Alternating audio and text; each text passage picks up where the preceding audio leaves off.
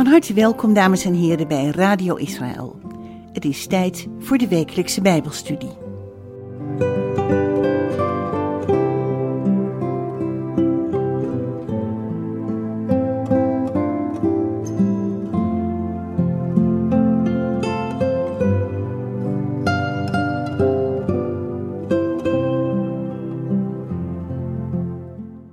Shalom luisteraars. Messiaans Judaïsme. Dat is een wereldwijde beweging van gelovigen die terugkeren naar de Joodse wortels van het christendom. Is deze beweging geleid door Gods geest of is het een beweging die gelovigen onder de wet brengt, zoals eeuwenlang gezegd werd? Sommige gelovigen uit de volkeren gedragen zich ineens Joods, lopen met tzitzit en een keppeltje. Een enkeling is er zelfs van overtuigd dat hij zich moet laten besnijden.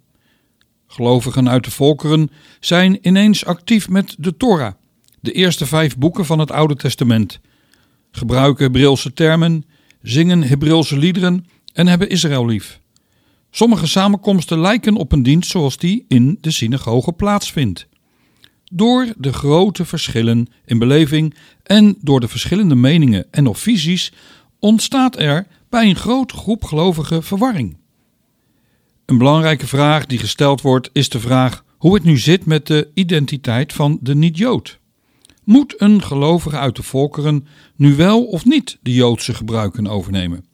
Is hij bijvoorbeeld verplicht met een keppeltje rond te lopen, de Sabbat te houden en de Bijbelse feesten te vieren?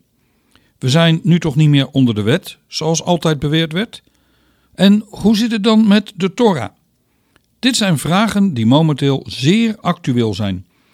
In deze nieuwe studiereeks ga ik in op deze actuele zaken en laat u zien hoe dat gestalte kreeg onder de eerste gelovigen uit de volkeren. Deze groep stond bekend als de Godvrezenden. Deze studiereeks heet dan ook de Godvrezenden. Voor deze studie is gebruik gemaakt naast de Bijbel, het woord van God, van het boek Godfearers, Gentiles en the God of Israel. Godvrezenden, heidenen, en de God van Israël, geschreven door Toby Janicki en aangevuld met onderwerpen uit de praktijk. Misschien, luisteraars, is het goed als u pen en papier gereed heeft en onder andere de Bijbelteksten opschrijft en later nog eens terugleest. Welkom. Mijn naam is Jack van der Tang.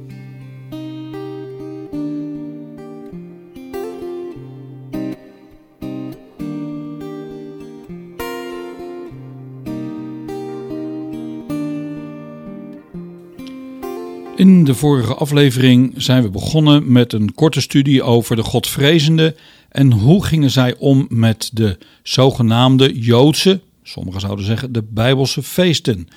We gaan niet in op de betekenis van de feesten, maar we gaan kijken en we zijn aan het kijken naar het feit of dat ook door de Godvrezenden onder de gelovigen, of ze die ook werden gevierd, zoals we dat nu missen. We hebben toen gesproken onder Shavuot bijvoorbeeld en over de Pesachviering. In deze aflevering gaan we kijken naar onder andere Yom Kippur, de meest heilige dag, en naar Sukkot. En daar gaan we in verder. Werd dat ook gevierd in de eerste eeuwen? Want dat is zoiets waar we allemaal zo voor openstaan en meer over willen weten. Nou, Yom Kippur is voor het Jodendom, niet schrik als ik het zeg, maar eigenlijk wat kerstmis is voor het christendom. Net zoals vele christenen naar de kerk gaan op de eerste kerstdag, zelfs als er nog nooit een kerk zijn binnengekomen in de rest van het jaar, zo is voor de Joden Yom Kippur ook. Ze vasten, vrijwel alle Joden vasten dan en wonen diensten in een synagoge bij. Het is een soort cultureel en spiritueel herkenningsteken. Het is dan ook niet verwonderlijk, luisteraars, dat wij een passende verwijzing naar dit vasten vinden in het boek Handelingen. We gaan eens kijken naar Handelingen 27, vers 9 en 10. En daar staat: En omdat er veel tijd verlopen was en het varen nu gevaarlijk werd, omdat de vastentijd ook al voorbij was, waarschuwde Paulus hen en zei tegen hen: Mannen, ik zie dat de vaart zal plaatsvinden met hinder en grote schade. niet alleen voor de lading en het schip, maar ook voor ons leven. Handelingen 27, vers 9 en 10. De vastentijd die hier genoemd wordt, is Yom Kippur. Ben Ezra veronderstelt dat uh, Lucas de term de vaste tijd niet zou hebben gebruikt als een, ja, een soort aanduiding van de kalender, tenzij hij zelf het vasten hield en ervan uitging dat zijn lezers dat ook deden. Ik kan er niets aan doen, zegt hij dan, maar ik moet de conclusie trekken dat Lucas zelf en zijn lezers Yom Kippur in acht namen. Waarom anders zou Lucas een Joodse ja, kalenderreferentie gebruiken voor een seculier probleem? Het is duidelijk dat hij ervan uitgaat dat zijn lezers zullen begrijpen wat hij bedoelt. Wetenschappers speculeren dat de lezers van Handelingen heidenen waren, zoals Lucas zelf.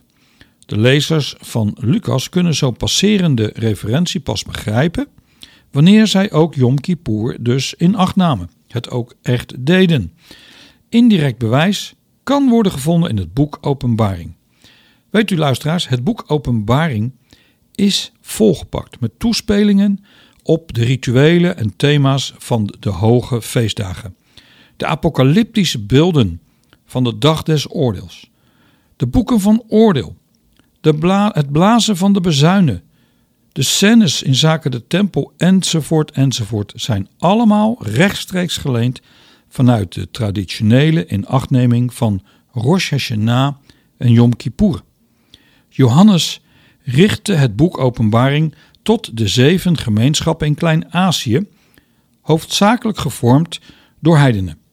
Indien deze gemeenschappen deze belangrijke Bijbelse feestdagen niet samen met de Joodse gemeenschap vierden, dan zouden ze toch slecht voorbereid zijn om de openbaring van Johannes te ontcijferen. En is dat ook niet zo bij de kerk van vandaag? Verslagen van heidense gelovigen die Yom Kippur vierden, verschijnen in latere kerkelijke literatuur. Zo schrijft bijvoorbeeld de brief aan Diognetus, en dat is geschreven het einde van de tweede eeuw, en daar wordt tekeer gegaan tegen christenen die, zegt men, de Joodse wetten in acht nemen. Zoals zeggen ze dan de vastentijd. Origenes, de kerkvader, noemt christenen die vasten op Yom Kippur. En dan zegt hij zo: Vandaar dat wij ook iets moeten zeggen aan die mensen die denken dat op grond van de geboden van de wet ze de vastentijd van de Joden moeten praktiseren. En dat kun je terugvinden in zijn boek over de leerreden over Leviticus 12 vers 2. Dus er is wel degelijk dus een groep die dus zich houdt aan de vastentijd van Yom Kippur. Hij noemt een ander geval dat weer Caesarese christenen betreft in zijn leerreden over Jeremia, waaruit blijkt dat dit geen losstaand geval dus is. Er moeten tenminste verscheidende groepen heidense christenen de derde eeuw geweest zijn die deze grote vastendag van het Jodendom nog steeds vierden.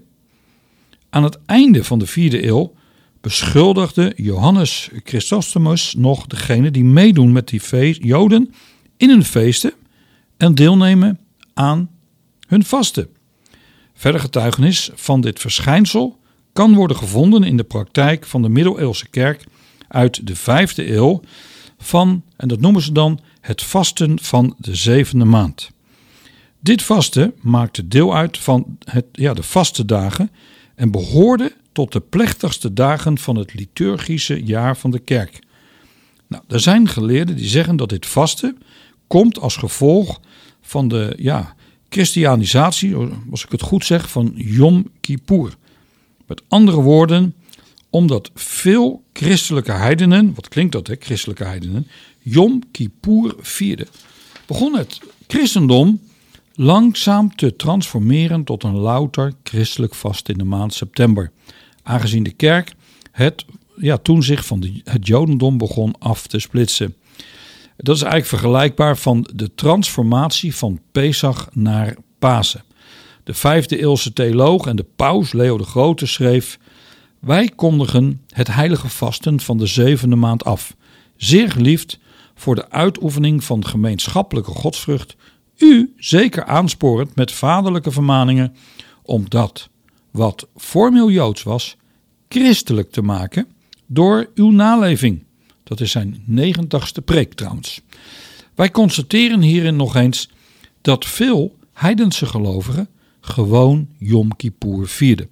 Zozeer zelfs dat het bleef, ook nadat het scheiden van de wegen tussen het Jodendom en het christendom begon plaats te vinden. Dus u ziet, luisteraars, dat uh, Yom Kippur, de grote verzoendag, een hele belangrijke dag was. En waar is die dag nog terug te vinden in de kerk? Het zijn de kleinere groepen, het zijn de Messiaanse gemeentes waar deze dag gevierd wordt. En helaas moet ik u zeggen, het gebeurt nergens meer. Dan gaan we eens kijken met elkaar naar Sukkot. Sukkot is het Loofhuttenfeest. En dat is wel goed bekend. En elk jaar met Loofhuttenfeest, dan vertrekken er weer velen en uit de hele wereld tienduizenden vanuit ja, de heidense gelovigen die al nu al dat Loofhuttenfeest willen vieren in de stad Jeruzalem. En als je dat hebt meegevierd, dan weet je hoe geweldig het is om daarbij te zijn. Nou, hoe wordt er gekeken daar naartoe? En weet u dat die naleving door de heidenen, de, ja, van dit Sukkot, van het Loofhuttenfeest, wordt eenvoudig aangenomen, ook in het boek Openbaring. Hoofdstuk 6 beschrijft daar namelijk een scène waarin alle naties voor de Messias verschijnen. Als we gaan kijken in hoofdstuk 7, dan lezen we even wat teksten, 19 en 15. Hierna zag ik en zie een grote menigte die niemand tellen kon uit alle naties, stammen, volken en talen stond voor de troon en voor het lam, bekleed met witte gewaden en palmtakken in hun hand. En ze riepen met een luide stem: De zaligheid is van onze God, die op de troon zit en van het lam. Daarom zijn zij voor de troon van God en dienen hem dag en nacht in zijn tempel. En dit wat je hier leest, haalt zonder twijfel de profetische uitingen van het boek Zacharias aan, waarin iedereen staat, iedereen uit de volkeren naar Jeruzalem zal komen om het Loofhuttenfeest te vieren. En hier, in openbaring, komen de volkeren tot de troon van God in de tempel met palmtakken in hun handen die de lulaf zijn, waarvan de Torah beveelt dat ze op Sukkot gezwaaid moeten worden. De Midrash, en dan het hoofdstuk Telim, onderwijst dat wanneer de Messias komt, hij de volkeren zal onderrichten in de geboden van de Sukkah en de Lulaf. En inderdaad, zelfs de bekende Rashi was van mening gebaseerd op Zacharias 14 dat deze geboden een plicht van hen worden in het Messiaanse tijdperk. In Openbaring 7, vers 17 vinden we de vermelding van bronnen van het levende water. Dat blijkbaar een omvloerste verwijzing is naar de ceremonie van waterschenking die elke ochtend van het Loofhuttenfeest in de tempel plaatsvond. Hetgeen duidelijk weerspiegelt Sukkot, het Loofhuttenfeest. De Sukkot, het Loofhuttenfeest zoals beschreven in openbaring, is alleen begrijpelijk als zij was geschreven naar een gemeenschap van gelovigen die dus ook feitelijk ook echt deelnam aan de feesten van Israël. De gemeenschappen die openbaringen of openbaring lazen, bestonden zonder enige twijfel uit zowel Joodse als heidense gelovigen, die Sukkot vierden met de verwachting dat de gehele wereld dit in het Messiaans tijdperk zou doen. Heidenen in de Messias, die het nu vieren, zijn de eersteling van die glorieuze tijd. Sommige geleerden zien ook een verband tussen Sukkot en het latere feest van Enkania. Ik hoop dat ik het goed uitspreek, want ik, ik zelf ben eerlijk gezegd helemaal niet op de hoogte van dit feest. Dat is het feest namelijk van de kerktoewijding. En die beiden in hetzelfde seizoen plaatsvonden. Acht dagen duurden en ook een tijd van bedevaart naar Jeruzalem kende. Maar het verschil is dat je met het Loofhuttenfeest, dan ga je naar de tempel. En met dit feest van Ensania of Enkania ging je naar de kerk van het heilige graf. Nou, Goudoever, hij schrijft dat vanaf de vierde eeuw het feest van de toewijding, dus het gaan naar de, de kerk, wordt gehouden als een voortzetting van het derde grote Israëlische feest, het Sukkot. En zo zie je ook weer dat dat ook weer als het ware is verkerstend, zo kan ik het misschien beter zeggen, om uh, hun eigen feest te vieren. Nou, er verschijnt ook een duidelijke verwijzing naar heidenen die Sukkot in acht nemen in de berisping van die bekende kerkvader Johannes Chrysostomus van degene die samen, zo staat het dan, met de Joden hun tent onder hen hadden opgeslagen. Nou, de vroegere kerkhistoricus Jean Danilo, hij wijst erop dat de vroegste christelijke documenten geen enkele verwijzing naar een nieuwe liturgische kalender of lijst van feestdagen bevatten. In plaats daarvan hielden Joodse en heidense gelovigen de aangewezen tijden in de Torah als hun heilige dagen.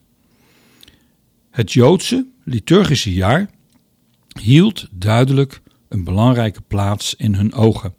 Het Nieuwe Testament registreert het leven van Christus in de instelling van de Joodse feesten en het belang dat wordt toegeschreven aan deze instelling doet veronderstellen dat het nog enige betekenis heeft voor de gemeenschappen waarnaar de evangeliën waren geadresseerd. Uit het bewijsmateriaal blijkt dat de vroege gelovigen, zowel Jood als Heiden, de heilige dagen van Israël vierden. Hoewel heidense gelovigen niet mochten worden beoordeeld betreffende de feesten van de Torah, is er alle reden om aan te nemen dat in de vroege gemeenschap van gelovigen heidense deelname aan de feesten en heidense deelname aan heilige dagen wijd verbreid was. In tegenstelling tot vandaag was het Jodendom het enige dat geldig was in de stad en als heidense gelovigen verkozen deze door God ingestelde dagen niet samen met de rest van Israël te vieren, dan zouden ze zonder speciale dagen of herdenking of vreugde gebleven zijn. En in plaats hiervan zien we in het Nieuwe Testament dat heidense gelovigen de heilige dagen samen met het rest van de Jodendom vierden. Vroege kerkliteratuur toont aan dat velen dat bleven doen, nog lang nadat de meerderheid van de kerk de Torah-naleving had afgewezen. Voor Messiaanse heidenen vandaag is de vroege, gelovende gemeenschap een voorbeeld. Het is een bron van aanmoediging. De eerste eeuwse heidense gelovigen namen deel aan de Bijbelse feesten. Uit liefde voor de God van Israël. Voor de liefde van zijn enige zoon Yeshua. Maar ook met een wens om mee te doen met het volk van Israël op Gods aangewezen tijden. Nou, tot nu toe hebben wij de toestand dus bekeken, de situatie bekeken voor een deelname van de Godvrezende gelovigen, de niet-Joodse gelovigen, aan deze uiterlijke kenmerken van de wekelijkse en de jaarlijkse heilige dagen van Israël. Maar we hebben nog niet gekeken naar de andere rituelen, de uiterlijke rituelen van het Joodse volk. Hoe moeten de Godvrezenden nu omgaan? Hoe moeten ze dat zien met de franjes, hè, om het zo maar te zeggen, op de hoeken van de kleding? De tzitzit, het dragen van tefillin of hoe moeten wij nu kijken naar een mezuzah op de deurpost? Is dat eigenlijk wel of is dat niet? Wat is daar nu mee aan de hand? En daar gaan we naar een korte introductie van een muziekje naar luisteren.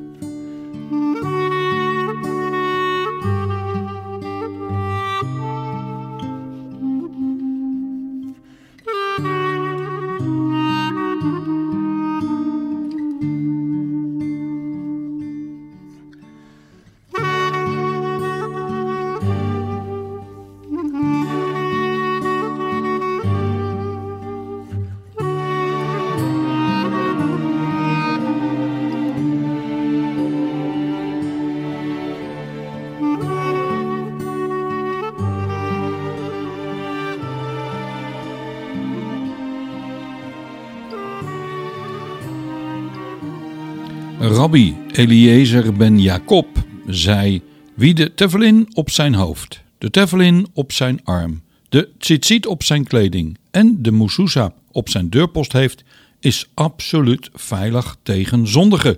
Want er is geschreven: een drievoudig snoer wordt niet snel gebroken. Prediker 4, vers 12. Een uitspraak van een rabbijn, hoe hij dus deze zaken ziet. Nou, we hebben gesproken over de relatie van de gelovigen uit de heidenen tot, ja, met betrekking tot de besnijdenis, de sabbat, de feesten. En nu moeten we eigenlijk gaan kijken naar de andere, de resterende geboden, de, zeg maar de uiterlijke tekenen. En dat zijn de tefillin, de tzitzit en de mezuzah. En hun toepassing, of het ontbreken daarvan, door niet-Joodse gelovigen. In dit gedeelte gaan we eens kijken naar deze drie unieke geboden. Wie op zoek is naar meer van deze ja, onderwerpen, zijn daar allerlei boekjes van te koop, ook bij um, First Fruit of Zion. Laten we eens eerst gaan kijken naar de traditionele benadering van dit vraagstuk in het Judaïsme. We gaan kijken naar de technische, naar de juridische en de rabbijnse argumentatie. En dat doen we dan wel weer in een andere aflevering die hierna komt. Maar nu gaan we even een vluchtige blik werpen op hoe de wijzen van Israël daarover dachten over niet-Joden die deze drie geboden als het ware in acht namen. Wat staat er bijvoorbeeld in de halacha? De tefillin, daar kunnen we van zien dat nog in de Talmud, nog in enige van de vroege rabbijnse werken, vinden we een verbod tegen heidenen om de tefillin te dragen. Er is een passage in de Tosefta, dat is een boek dus ook en een commentaar, de Joden onderricht geen tefillin aan heidenen te verkopen. En, zoals sommige geleerden aanduiden, kan dit eigenlijk aangeven dat tefillin in die perioden gedragen werden door sommige niet-Joden. De heidense slaaf van rabbijn Gamaliel, Tobi, hij droeg ook tefillin. Zelfs de latere rabbijnse, ja, de, de grote rabbijn Ramban vermeldt in zijn Mishneh Torah geen enkele keer dat de tefillin verboden is voor heidenen. Alle autoriteiten, waaronder de Rambam, zijn het er echter wel over eens dat zij, als een heiden een gebod doet, hij dat niet verplicht is om ook uit te voeren. Hij moet dat doen zonder de, de baracha, de zegenspreuk, te, uit te spreken. Nou, dat is wie ons heeft opgedragen. dat komt, dat heb ik wel eens eerder in andere studies ook gezegd erover, dat dat zo belangrijk is dat die opdracht wordt gezegd door de Israëliërs. We lezen ook in de Midrash Tehillim dat wanneer de Messias komt, hij de volkeren dertig geboden uh, uit de Torah zal onderwijzen, waaronder het binden van de tefillin. De meeste halachische autoriteiten keuren vandaag de dag echter het dragen van de tefillin door de heidenen af. En ik weet niet of u wel eens in Jeruzalem bent geweest. Ik denk veel van de luisteraars wel. Als je daar bijvoorbeeld met het Loofhuttenfeest bent, zie je daar steentjes aan. Vaak is dat van Gabat. En dan kun je dan de tefillin om je armen heen krijgen. Maar op het moment dat ze dus weten dat u geen Jood bent, dan zullen ze dat niet doen. Zo zie je dus dat het nog steeds zeer actueel is. Hoe zit het met de tzitzit? In vroege rabbijnse literatuur, en tzitzit, dat weet u, hè, dat zijn aan de vier hoeken van een, een shirtje, een truitje, uh, hoe je het moet zien, uh, een hemdje, kan ik misschien beter zeggen. Daar zitten dan die vier draadjes aan. En um, nou, volgens de vroege rabbijnse literatuur plaatst geen beperkingen tegen het dragen van tzitzit door heidenen. Er zijn wel enkele voorschriften over het kopen van tzitzit door heidenen. Net zoals dat dus is bij Tefillin. En was het dus daar ook verboden tzitzit aan heidenen te verkopen. De Rambam verklaart als niet-Joodse dienaren van Joden ervoor kiezen om het gebod van de tzitzit in acht te nemen, zij dit mogen doen, maar opnieuw weer zonder dat opzeggen van die baracha. En dat is dan hij die ons heeft opgedragen om de tzitzit, en gaat maar verder. Toch, ondanks dit alles, wordt het wel ontmoedigd. Net zoals dat gebeurt bij Teflin. En ja, uh, moderne rabbijnse autoriteiten zijn het er ook niet mee eens dat heidenen nu tzitzit dragen. Hoe dan de mezuzah?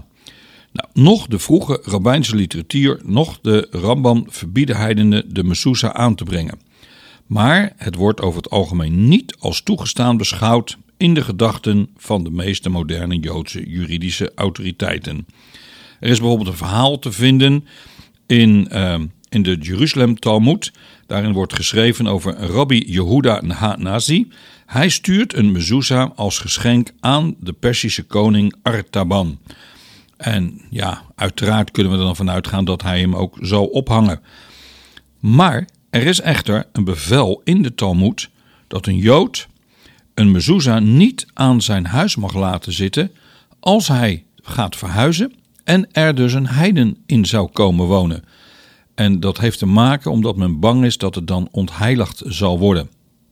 Als een wettelijke autoriteit het als toelaatbaar zou zien, zou hij erin toestemmen, mits, net zoals bij de Tevelin en het Tzitzit, de Baraga niet zou worden gereciteerd door een heiden wanneer hij de mezuzah aanbrengt. Beste luisteraars, het Jodendom beschouwt alle drie geboden als belangrijke afbakening tussen Joden en heidenen. Veel mensen vinden dat, wanneer niet-Joden deze geboden in acht nemen, ze de lijn van onderscheid tussen de Joodse en de heidense identiteit uitwissen. Vooral om die reden ontmoedigen de meeste hedendaagse rabbijnen en zelfs Messiaans-Joodse rabbijnen heidenen deze praktijken uit te voeren, aan te nemen. Dus niet-Joden moeten wel gevoelig zijn voor de Joodse sentimenten en welvoeglijk als ze de, het idee overwegen zich bij deze onderscheidende merktekens van Joodse identiteit aan te sluiten. En dat is dus echt een belangrijke reden om je te beseffen dat op het moment dat je deze dingen gaat praktiseren, dat dat zeer gevoelig kan zijn. Ik kom later daar nog op terug in een andere aflevering. Nou, dan gaan wij nog even kort kijken naar de apostelen. Nu wij een zekere grondslag dus vanuit het perspectief van het Jodendom hebben gelegd, laten wij dan eens kort naar het Nieuwe Testament kijken. En het spreekt vanzelf dat de apostelen alle geboden, dus die tekenen, die uiterlijke tekenen, die tekengeboden, als volledig verplicht voor Joodse gelovigen beschouwen. Maar gebaseerd op Handelingen 15 en de brieven van Paulus weten we dat de apostelen de heidenen, heidense gelovigen nooit tot deze drie geboden hebben verplicht. Tegelijkertijd spraken ze nooit rechtstreeks het in hun ogen voor heidenen al dan niet aanvaardbaar uit van het vrijwillig omarmen van deze uiterlijke tekenen van de Joodse praktijken. In zijn eerste brief aan de Corinthiërs spreekt Paulus zich uit over deze, deze uiterlijke geboden als de merktekenen van de besnijdenis. En dat zegt hij dan als het ware het Jodendom. Paulus formuleert dit in zijn, uh, in zijn, ja, als een regel. En dat zegt hij dan in het volgende, dat kun je lezen in 1 Corinthians 7, vers 18. Is iemand als besnedene geroepen, dan moet hij die besnijdenis niet ongedaan laten maken. Is iemand geroepen die onbesneden is, dan moet hij zich niet laten besnijden. Men zou het gezegde hier kunnen interpreteren dat als een besnedene geroepene, uh, dan heeft dat niet alleen betrekking op de bekering, maar ook betrekking heeft het dan op de uiterlijke geboden in het algemeen. Met andere woorden, Joden die gelovig worden, moeten Torah getrouw blijven, waaronder het in acht nemen van het onderscheid van deze dus uiterlijke geboden, maar heidenen moeten nooit conversie zoeken. Ze moeten nooit proberen Joods te lijken. Dit lijkt in lijn te zijn met de rest van de geschriften van Paulus, waar hij een fijne lijn betreedt tussen het in evenwicht houden van de eenheid van Jood en heiden in de Messias, terwijl hij tegelijkertijd wijst op onderscheiding en de unieke uitroeping, de unieke roeping voor elke groep. In zijn commentaar op Paulus' woorden, nog Jood, nog Griek, schrijft de Bijbelse leraar Thomas Lancaster, en hij schrijft ook allerlei boeken voor First Fruits of Zijn. En hij zegt dan: In de Messias zijn Jood en Heiden één. maar niet hetzelfde. Wat betreft de verlossing en ons staan in de Messias is er geen verschil tussen Jood en Heiden. Zoals de apostel Petrus verklaarde, hij heeft geen onderscheid gemaakt tussen ons en hen en heeft hun hart door het geloof gereinigd. Joden, heidenen, mannen, vrouwen, slaven en vrije mensen hebben dezelfde toegang tot verlossing door diezelfde Messias. Maar dat verwijdert onze eigen identiteit en onze rollen niet. En het grootste probleem met heidenen en luisteraars die externe, als het ware identiteitsmarkeerders zoals Tiflin, Tzitzit en de Mezuzah aannemen en eigenlijk Joods willen lijken en daarmee afbreuk doen aan het uniek zijn, het unieke zijn van het Joodse volk.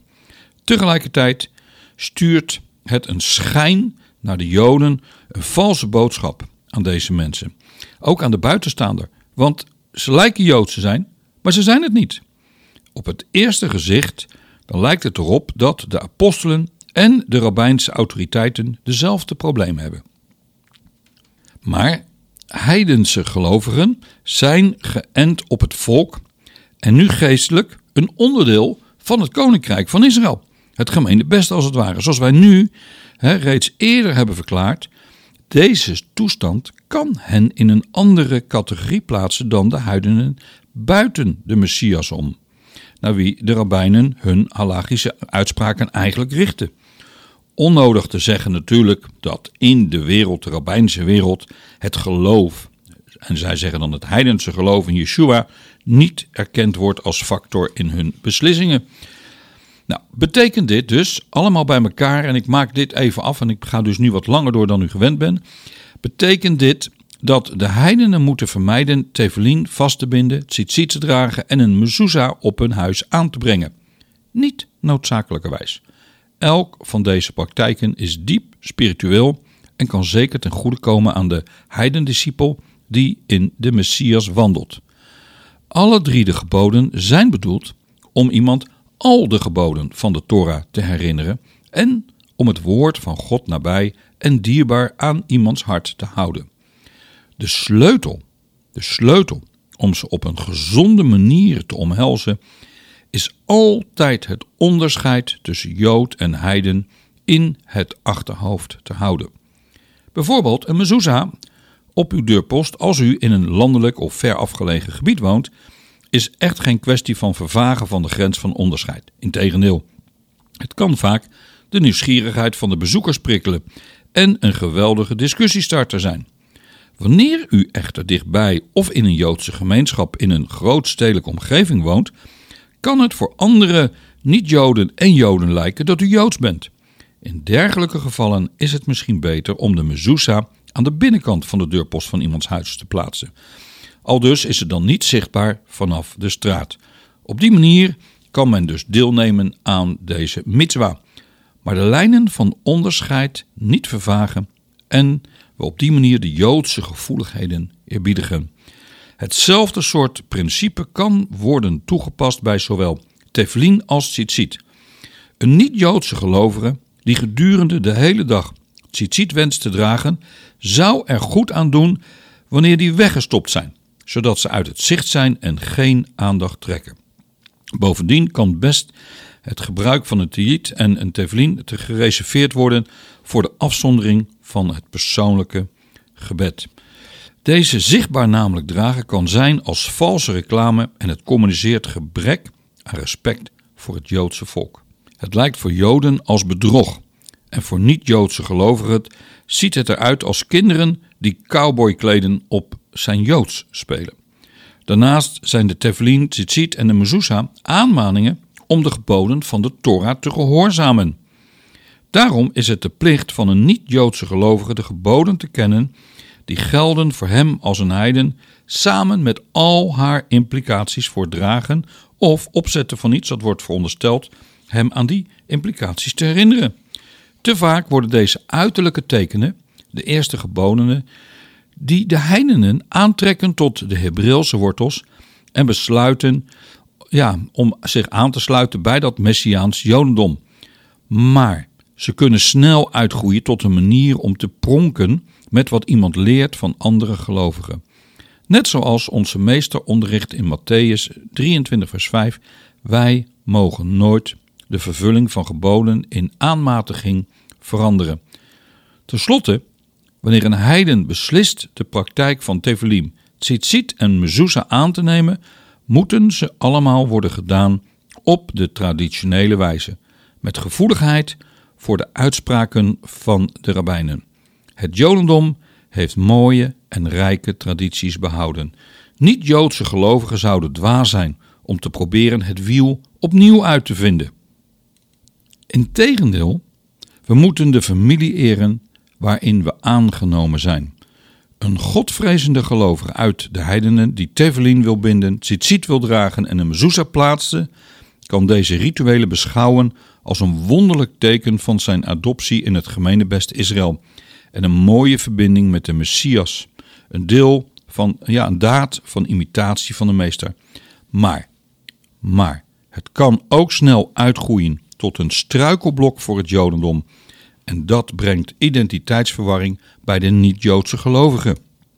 Iemand moet deze gebieden langzaam en voorzichtig benaderen.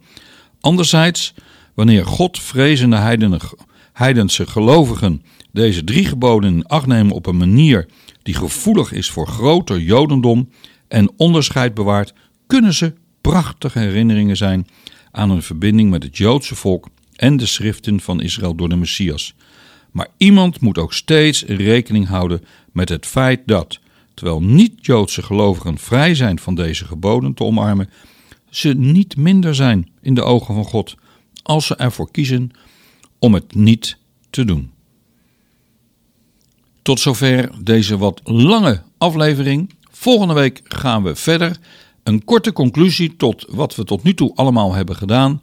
En dan gaan we nog eens kijken naar het Judaïsme en hoe zij kijken naar een aantal zaken. Dank u voor het luisteren.